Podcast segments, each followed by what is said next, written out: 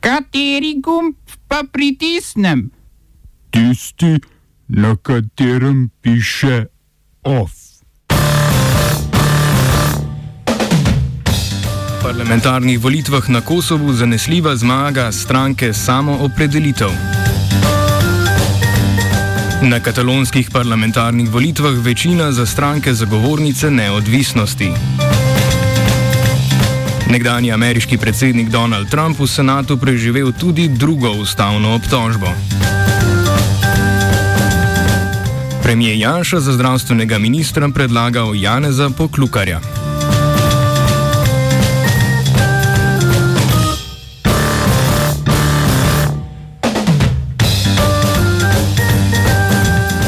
Na včerajšnjih predčasnih parlamentarnih volitvah na Kosovu je na podlagi skoraj vseh preštetih glasovnic zanesljivo slavila stranka samoopredelitev Albina Kurtija, skoraj polovica prejetih glasov.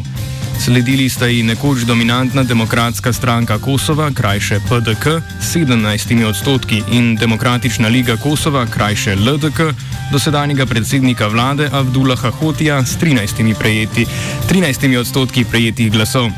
Obe stranki sta poraz priznali.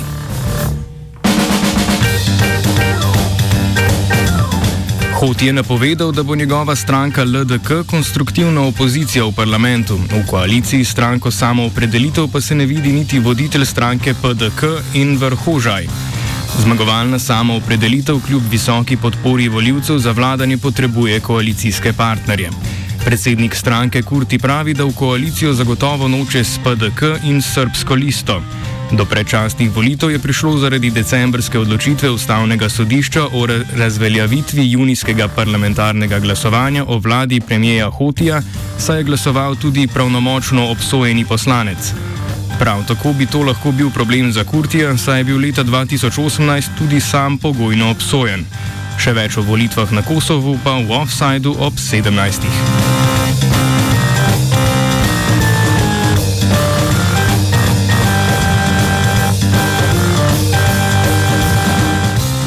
Katalonijo, kjer so včeraj tako isto potekale parlamentarne volitve.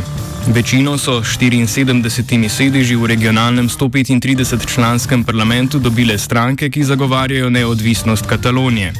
Relativni zmagovalci predčasnih volitev so sicer v Madridu vladajoči socialisti s 23-odstotno podporo voljivcev, sledila pa jim je separatistična katalonska republikanska levica, krajše ERC, z 21 odstotki. Obe sta v parlamentu osvojili po 33 sedežev. Na tretje mesto se je z 20 odstotki in 32 sedeži zavihtela stranka Skupaj za Katalonijo. Tudi ta zagovarja katalonsko neodvisnost, je pa drugačne politične usmeritve kot ERC. V katalonski parlament se je prvič uvrstila tudi desna stranka Vox, ki bo imela v parlamentu 11 poslancev. Vodja zmagovalne stranke socialistov v Kataloniji Salvador Ila ima sicer malo možnosti za uspeh pri sestavi vlade, si je pa španski premijer Pedro Sánchez zmago svoje stranke na regionalnih volitvah še utrdil položaj na državni ravni. Volilna udeležba na predčasnih volitvah je bila 53 odstotna.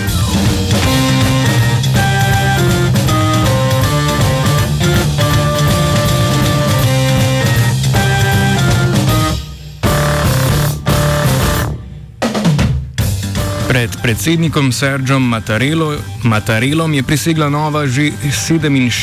italijanska vlada po drugi svetovni vojni. Tokrat jo vodi tehnokratski premijer, nekdani guverner Evropske centralne banke Mario Draghi. Vlado sestavlja šest strank, ki pa so idejno zelo raznolike. Od majhne leve stranke člen 1 prek populističnega gibanja petih zvezd do desne lige.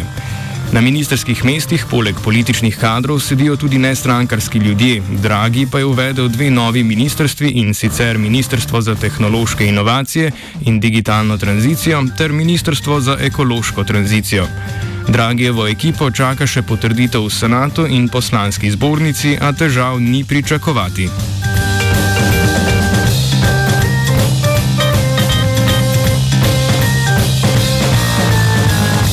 Nekdanjega republikanskega ameriškega predsednika Donalda Trumpa so v senatu oprostili napeljevanja k napadu na Kapitol 6. januarja.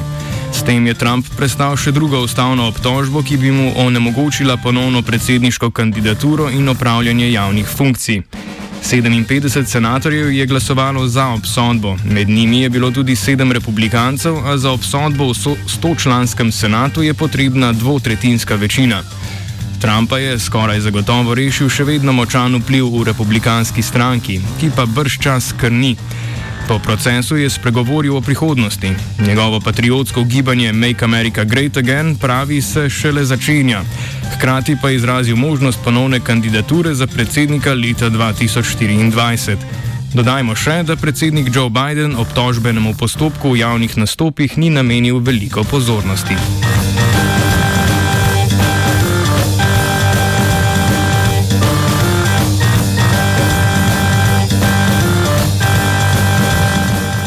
Napetosti v Mjanmaru po vojaškem puču še naraščajo.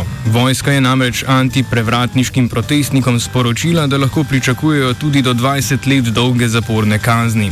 Ti na ulicah zahtevajo izpustitev demokratično izvoljene voditeljice Aung San Suu Kyi in restauracijo demokracije v državi. Vojaška hunta je sporočila še, da lahko drakonske kazni doletijo kogarkoli, ki s pisano ali govorjeno besedo ali pa znaki izkazuje nestrinjanje z vojsko. Na ulicah mest, med drugim tudi v Jangonu, so oklepniki, po noči pa je bil zopet prekinjen dostop do interneta.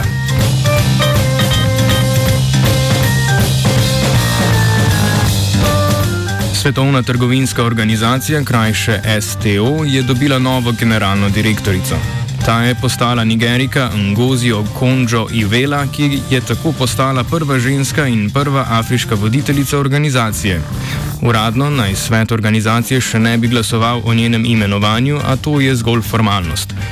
STO je bila namreč zadnja pol leta zaradi nasprotovanja ZDA pod Trumpovo administracijo brez generalnega direktorja.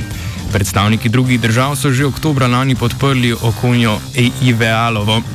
Njenemu imenovanju pa so tako nasprotovali le ZDA, kjer so ustrajali pri južnokorejski ministrici za trgovino Ju Myung-hee.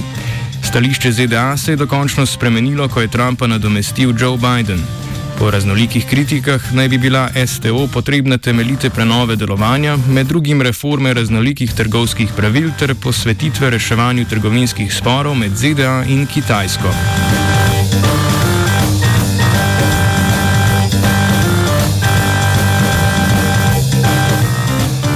Francoska vlada je začela s postopki za razpustitev skrajno desne organizacije Generacija identitete. Notranji minister Gerald Damananan je naznanil, da ima skupina znana po sovraštvu do beguncev deset dni časa za odgovor oziroma za morebitne ugovore. Z obsežnimi preiskavami njihovega delovanja so francoski organi pričeli v januarju zaradi protimigranske akcije identitarcev v Pirenejih, podobne pa pripadniki izvajajo še v francoskih Alpah.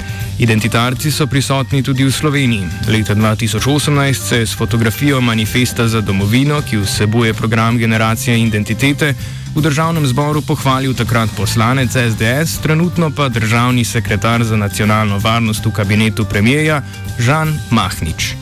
Oba, če bom odgovoril na angliški. Slovenija bo poskušala pomagati. Slovenija bo naredila svoj utmost, da bo rekla, da je situacija naš problem, naš. In mi bomo naredili nadaljnje korake, as soon as the conditions are. Bomo vlado Marjana Cererera Šarca podprli. Very, very serious. News from Slovenia. We know how and we will.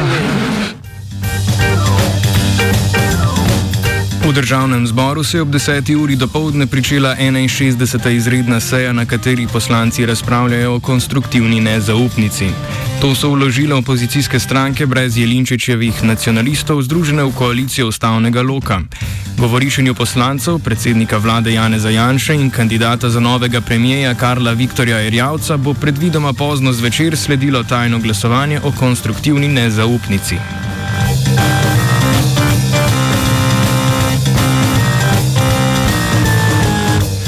Predsednik vlade Janez Janša pa je v neuspeh strank KUL očitno prepričan.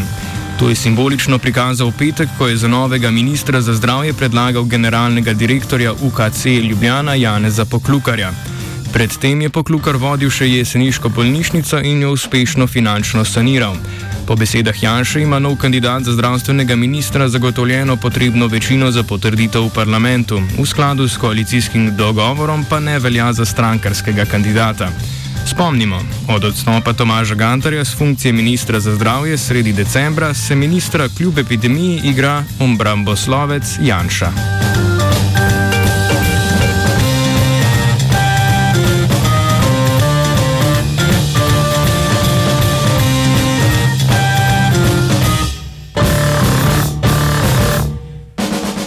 OF je pripravila vajenka Hanna s pomočjo Urha.